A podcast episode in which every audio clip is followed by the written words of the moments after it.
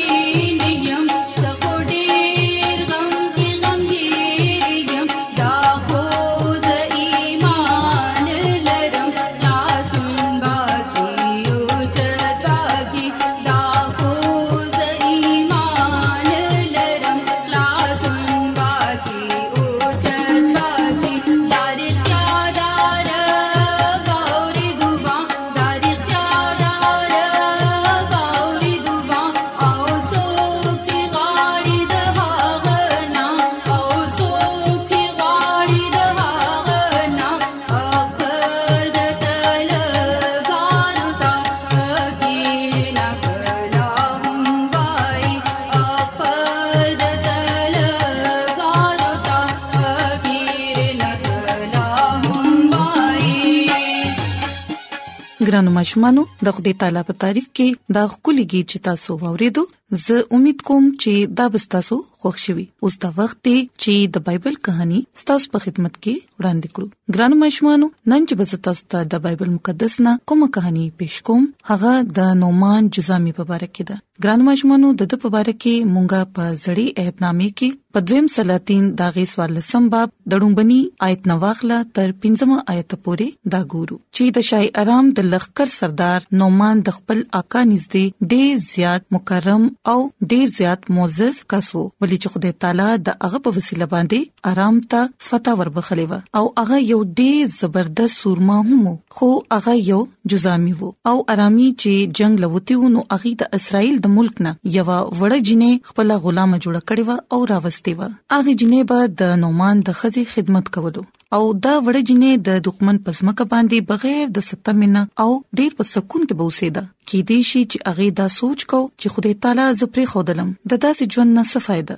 خو ګران مشمانو موږ ګورو چې خدای تعالی هغه جنې پاغه پردي ملک کې هم د څه خاص مقصد لپاره پاتې کړي و نو یو ورځ هغه وړي جنې خپل بیبي ته وویل چې کاش زما آقا هغه نبی سره وو کوم چې په سامری کې دی نو هغه به د جزام نه شفا واخلي د جنې د غلامه ژوند تیرولو او هغه د دې کمانډر پکور کې کار کولو لپاره ډیر مجبور کړی شوی و چا چې د بنی اسرائیلو سر ښکته کړو خو ګران ماشومانو بیا هم هغه د خدای تعالی او د خپل آقا ډیر زیاته وفادار او ایماندار خادمه و او موږ ګورو چې هغه جنې دلته اوسېده خو بیا هم هغه خپل وطن او خپل خدای نو هیر کړي او نه هغه په خپل ځړ کې چرته په ارامه خلکو باندې لعنت غورځول بلکې هغه د خدای تعالی د مینې نه خپل مالک سره همدردي وکړه د چا پکور کې چې د جزام په شان لعنتو هغه د خپل آقا د پاره ډیر نیک خیالاتو اظهار وکړو او هغه دا تم ورکړه چې هغه به د دې خطرناکې بيمارۍ نه شفا واخلي او د غي د ایمانو چې کوم خوده الیشا په ذریعہ باندې غټ غټ عجایب اخول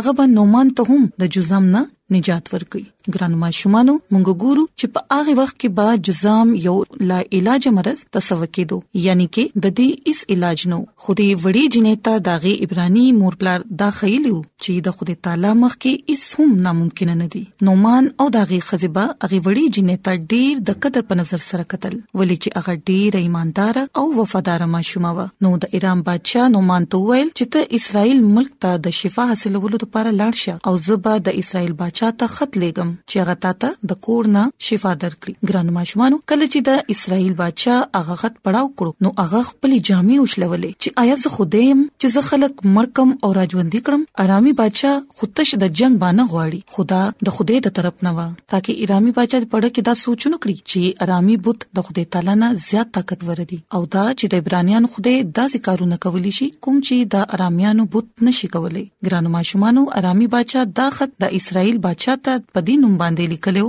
چې نبی د باچا سوري لاندې دی خو ګرانو ماشومانو د اسرایل بچا خپل کپڑے وشلولې چې آیا زه خوده يم د اسرایل د بچا د ایمان نو چې نومان به شفا حاصل کړي هغه تش د تصویر هغه تاریخ پهلو قتلو هغه د خوده په باره کې سوچ نه کولو چې هغه ارس کولی شي او ګران ماشومانو کله چې مرته خوده الیشا ووریدل نو هغه بچا ته دا پیغام ولېګلو چې تا خپل جامې ولې وشلولې نومان راتلو ته پرېږده الیشا نبی دا یو ډیره ښه موقع وګڼله چې هغه غیر اقوام ته هم دا ویل شي چې په اسمان باندې یو خدای دی کوم چې په ځمکه باندې د اوسیدونکو د غمونو نه آشنا دی او خاص کر کې هغه نومان ته د خدای تعالی د مینې درس ورکول غوښتل نو ګرانو ماشومانو نومان د خپل اسونو سره راغی او د الیشا د کور په دروازې باندې ودرېدو او الیشا د یو کاسد په لاس باندې هغه ته پیغام ولېګلو چې په یردن کې اوزله ورغوپشه نو ستا وجود به بیا خشي ګران ماشومانو سچي عیسی مسیح یو ډون ته ویلو چې د شیلوخ په هوس کې اوینځه نبی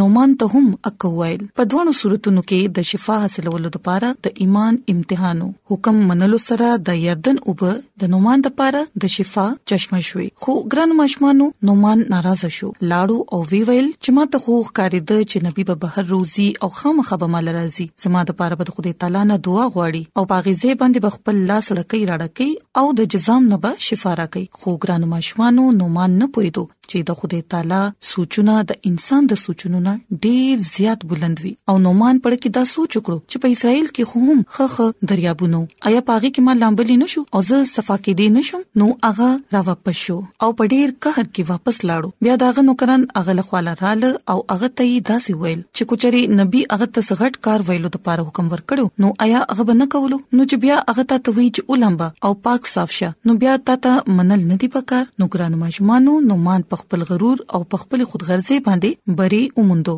او د نبی په خبره منلو باندې رضامند شو په یردن کې و ځله لامبو والا او د هغه وجود د ماشوم په شان سپین شو او هغه بيخي صفا شو نو ګرانو ماشومانو کچري هغه د نبي حکم او نه منلو نو کم برکتونه چې هغه هغه وخت حاصل کړ دا غینه به هغه ټول عمر محروم پاتې شوی خو چې څنګه هغه د خدای تعالی د بنده په هدایت باندې عمل وکړو داغه جزام لاړو او هغه وخت د هغه زړه د شکرګزارۍ نه ډک شو او هغه خپل باقی ژوند د خدای تعالی په خدمت کولو لپاره عہد وکړو نو ګرانو ماشومانو پاکیزګي او نجات د خدای تعالی فضل دی کوچري موږ داغه بخني اغستل غواړو نو بیا انسان ته خپل تجاویز خپل غرور خپل جذبات او خپل بے اعتمادي به پرې خودل غواړي دا بخنه نه همغه په بیا غستې شو او نه دا خرڅول شو او دا بخني د بچاهانو په سفارښونو باندې هم نه دي نو ګرانو ماشومانو زه امید کوم چې نننې بایبل کہانی به تاسو خوښ شي او تاسو به د زده کړې چې موږ ته د خدای تعالی په خبرو باندې د ایمان راوړو ضرورت دی داغه په حکمونو باندې د عمل کولو ضرورت دی ولې چې کله موږ داغه په حکمونو باندې عمل کو نو بیا به موږ چې د خدای تعالی نه چې څه غواړو نو خدای تعالی به موږ ته اغر څه بخي نو ګران ماشومانو زما د دعا ده چې خدای تعالی دې تاسو سره وي او تاسو لدی ډیر زیات صحت او تندرستي عطا کړي نو ګران ماشومانو راځي چې د خدای تعالی په تعریف کې اوس یو بل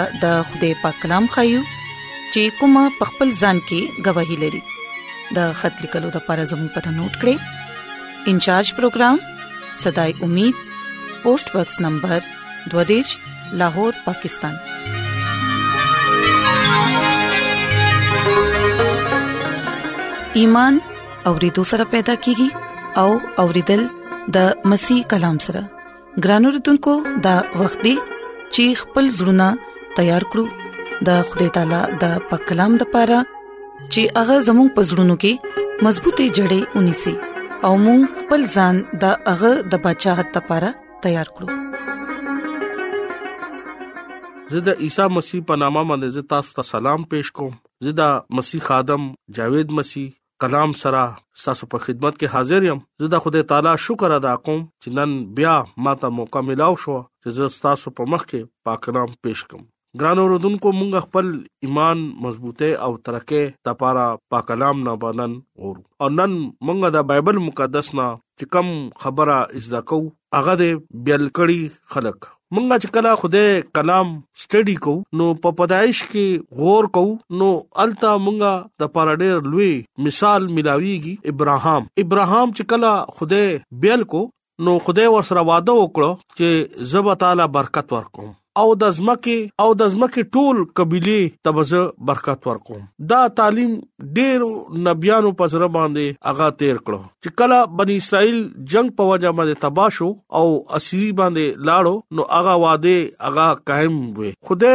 دا غوښتو چې کم ز شاګردان جوړ کوم دغه په وسیله باندې دغه دنیا چې کم په ګناه کې وا اغا بچ شي خدای بار بار د اسمان نه با یو بیل کېده پیغمبر با لېګو چې هغه لاړ شي او دا دنیا بچ کی نو نبی چې په دې ځمکه باندې خدای کرا هغه له اختیار ورکو هغه په دې ځمکه باندې یو سل او شل کاله د خدای کلام منادي وکړه او خلکو ته به دا وی چې تاسو ځان پاک کړئ تاسو د خپل ګناونو نه توبه وکړئ په دې ویلو ویلو هغه یو سل او شل کاله هغه ورته منادي وکړه هغه خلک د خدای سره بغاوت کول نو خدای په دې باران او طوفان په وجه هغه ټول هلاک کړ خدای بیا دانیل ته او یوسف نبی ته خدای داسې حواله کړه خدای ډیر په دې دنیا کې پیغمبران اولېګلو او په خدای کلام کې دا لیکلي دي چې ټولو ګناه وکړو او د خدای جلال نه مامور نشو ګران اوردونکو دا ډېر د ایمان او ډېر خاص خبره وا چې کله هغه خپل زوی د دنیا د لپاره بیل کو نو ډېر پیغمبرانو دغه باره کې پیشنګوئی کړې و چې هغه برازي هغه الفا او اومېګا دی هغه د دنیا شان او شوکت مالک دی هغه دا خدای خوږ زوی دی هغه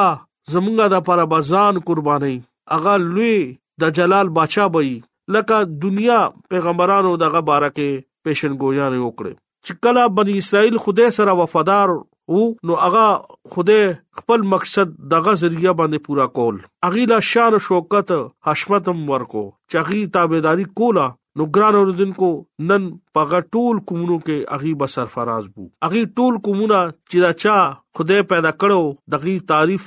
نوم او عزت او ممتاز به خدای کولو او دنیا چې دا اغا دا کته چې بنی اسرائیل خدای ورسره ډیر مینا کوي هغه مینا چې وو هغه دومره لوی مینا ورسره وکړه چې هغه پرون سره جنگ وکړو هغه قوم چې وو هغه ډیر نافرمانی وکړه خدای د اسمان نه دغې د پاره نانونه بوشتل خدای اغي د پاره دوه حصو کې سمندر بیل کو اغي بیا پوی نشو خدای مجبور شو چې زه عیسی مسیح د احمد تمنا کوم ما هغه بیل کو حقيقي مقصد ته پاره د ګناونو نه انسان بیل شي او عیسی مسیح فاتح شي هغه معلوم وکړو چې ما په دې دنیا کې څومره نبيان اولېګو دغه هغه مقصد پورا نشو ګران اوردونکو يهودي د خدای نه ډېر لری تلو مذهبي عبادتونو رسمونو اغي ایر کړو عیسی مسیح خپل رالو او دا ارس بیا قائم کو اغا خدمت هر سکه خپل علامت موجود وو اغا روحاني ژوندۍ نه مامور او مذهبي رسمونو باندې اغا پویدو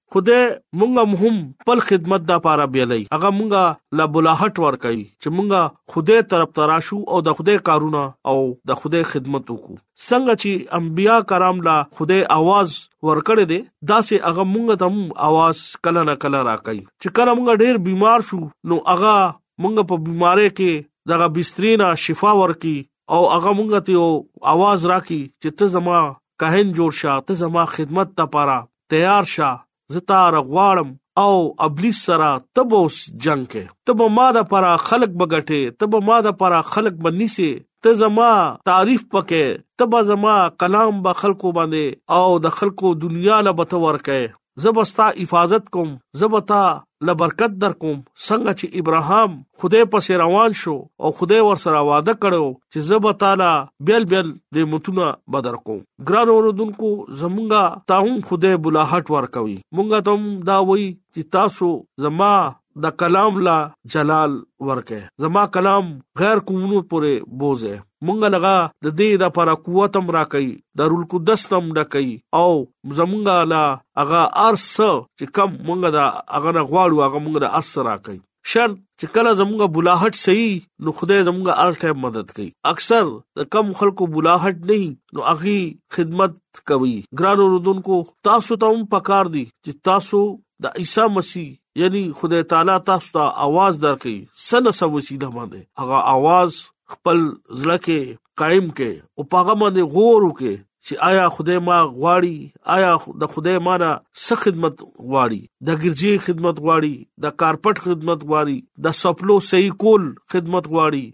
په چا باندې زه وبوس کوم د چا سره زه مینه وکم خپل پړوسی سره زه مینه وکم دا ټول د خدای یو आवाज دی او خدای دا وایي چې کم خلک زما فرما برداری کوي کم خلک زما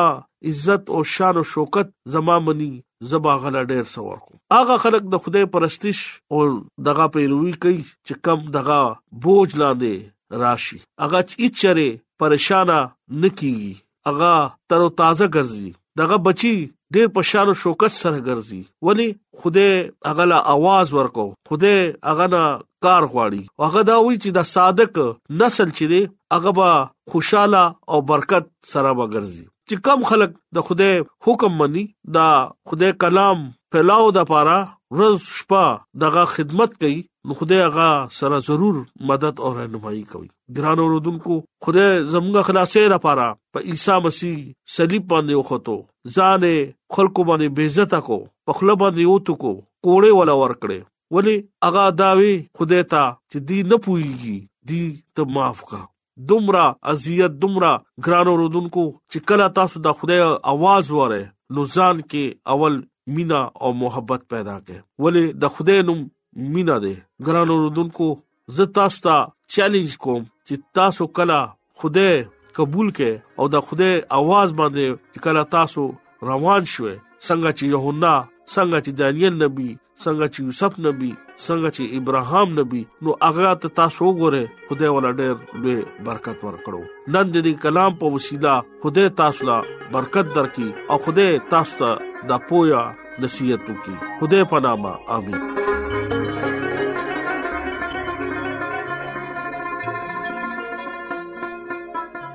راځي چې دعا وغوړو